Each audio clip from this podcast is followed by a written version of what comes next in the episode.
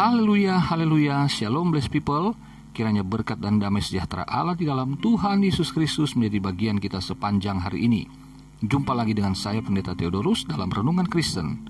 Hari ini kita akan membahas tentang kita ini rumah doa atau sarang penyamun. Terambil dari Injil Lukas 19 ayat 45 dan 46. Begini firman Tuhan. Lalu Yesus masuk ke bait Allah dan mulailah ia mengusir semua pedagang di situ katanya kepada mereka, Ada tertulis, rumahku adalah rumah doa, tetapi kamu menjadikannya sarang penyamun. Blessed people, ini adalah salah satu kisah yang sangat populer sejak di sekolah minggu. Kisah di mana Yesus masuk ke bait Allah di Yerusalem, namun kemudian ia sangat marah dan mengusir semua pedagang di situ. Yesus marah ketika melihat bait Allah tidak lagi menjadi tempat yang sakral bagi umat yang ingin beribadah di situ. Bait Allah bukan lagi rumah doa yang kudus. Bait Allah itu sama dengan rumah Tuhan, di mana umat merindukan untuk berjumpa dengan Tuhan di dalam doanya. Memang, blessed people, pada waktu itu bait Allah telah menjadi pusat perbelanjaan untuk keperluan ibadah korban. Tujuan awalnya memang baik, yaitu untuk memudahkan umat yang datang dari jauh agar tidak perlu membawa sendiri hewan-hewan korbannya. Demikian juga dengan para penukar uang di situ. Yesus menyebut bait Allah sudah menjadi sarang penyamun karena para pedagang telah memainkan harganya dengan legalisir dari para imam yang menjabat di situ. Ada kong begitu. Maksudnya ialah untuk memperoleh pendapatan bagi kas bait Allah dari hasil perdagangan itu. Namun Yesus tahu bahwa telah terjadi praktik kotor dan korupsi dengan kedok ibadah yang suci.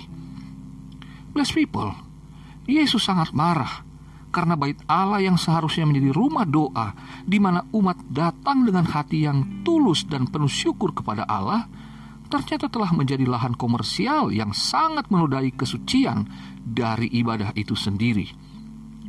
Rasul Paulus menegaskan bahwa jemaat adalah bait Allah di mana roh Allah berdiam di dalamnya. 1 Korintus 3 16. Bait Allah di sini menunjuk pada gereja lokal.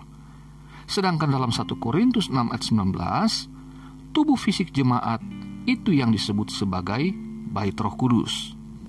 Nah, dalam hal di mana kita dikatakan sebaik, sebagai bait Allah atau bait Roh Kudus ini, mari kita menarik pelajaran dari kisah ini. Yang pertama, sarang penyamun. Nah, ini bisa saya sampaikan bahwa jika ada seorang pendeta yang mengkhotbahkan Injil kemakmuran, ia telah membuat sarang penyamun di gerejanya, saudara.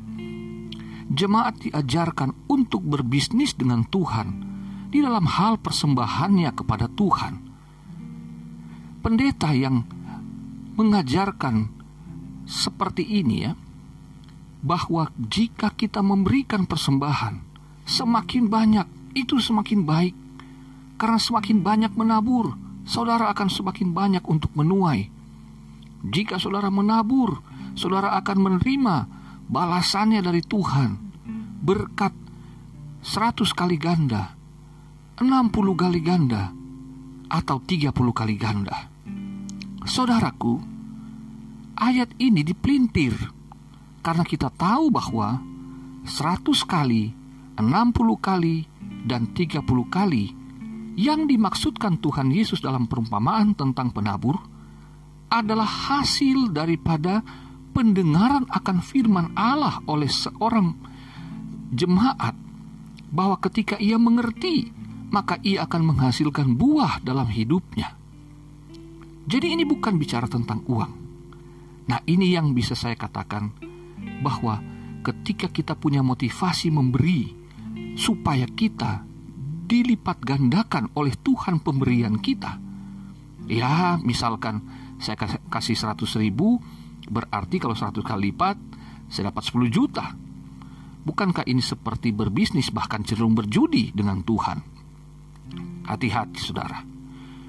Dan juga bisa seorang jemaat yang menggunakan kemiskinannya untuk selalu mendapatkan uang dari gereja Bisa saya katakan juga seperti penyamun yang memanfaatkan kebaikan gembala atau anggota jemaat lainnya. Dan ketika ditolak untuk diberikan apa yang dia mau, apa yang dia minta, maka jemaat ini bisa ngambek dan pindah gereja. Ini pernah terjadi di dalam pelayanan gereja yang saya gembalakan, saudara. Yang kedua, rumah doa. Jemaat sebagai rumah doa dikatakan di sini sebagai bait Allah. Tubuh kita adalah persembahan yang hidup, yang kudus dan yang berkenan kepada Allah. Itu adalah ibadah kita yang sejati kata Roma 12 ayat 1. Jadi, kita adalah rumah doa. Tubuh kita adalah persembahan yang kudus sebagai persembahan yang nyata bagi Allah. Bukan uang kita. Sehingga ketika kita menerima berkat Tuhan, semakin kita menyadari bahwa hidup ini bukan milik kita. Semakin kita merasakan Tuhan memberkati, semakin sadar bahwa hidup kita adalah milik Tuhan yang harus dikembalikan dalam bentuk pelayanan, di dalam bentuk pengorbanan yang lebih lagi, bukan mengharapkan yang materi untuk berlipat ganda, saudaraku.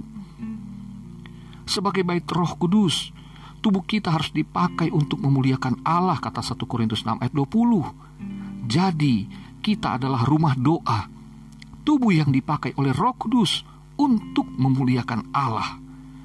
Bait Allah Perjanjian Baru bukanlah di mana atau kapan atau bagaimana kita menyembah, tetapi dengan siapa kita menjalin hubungan, yaitu dengan Allah, saudaraku. Yesus lebih besar dari bait Allah Perjanjian Lama. Jadi, kita adalah rumah doa pribadi yang menjalin hubungan dengan Allah di dalam nama Tuhan Yesus Kristus.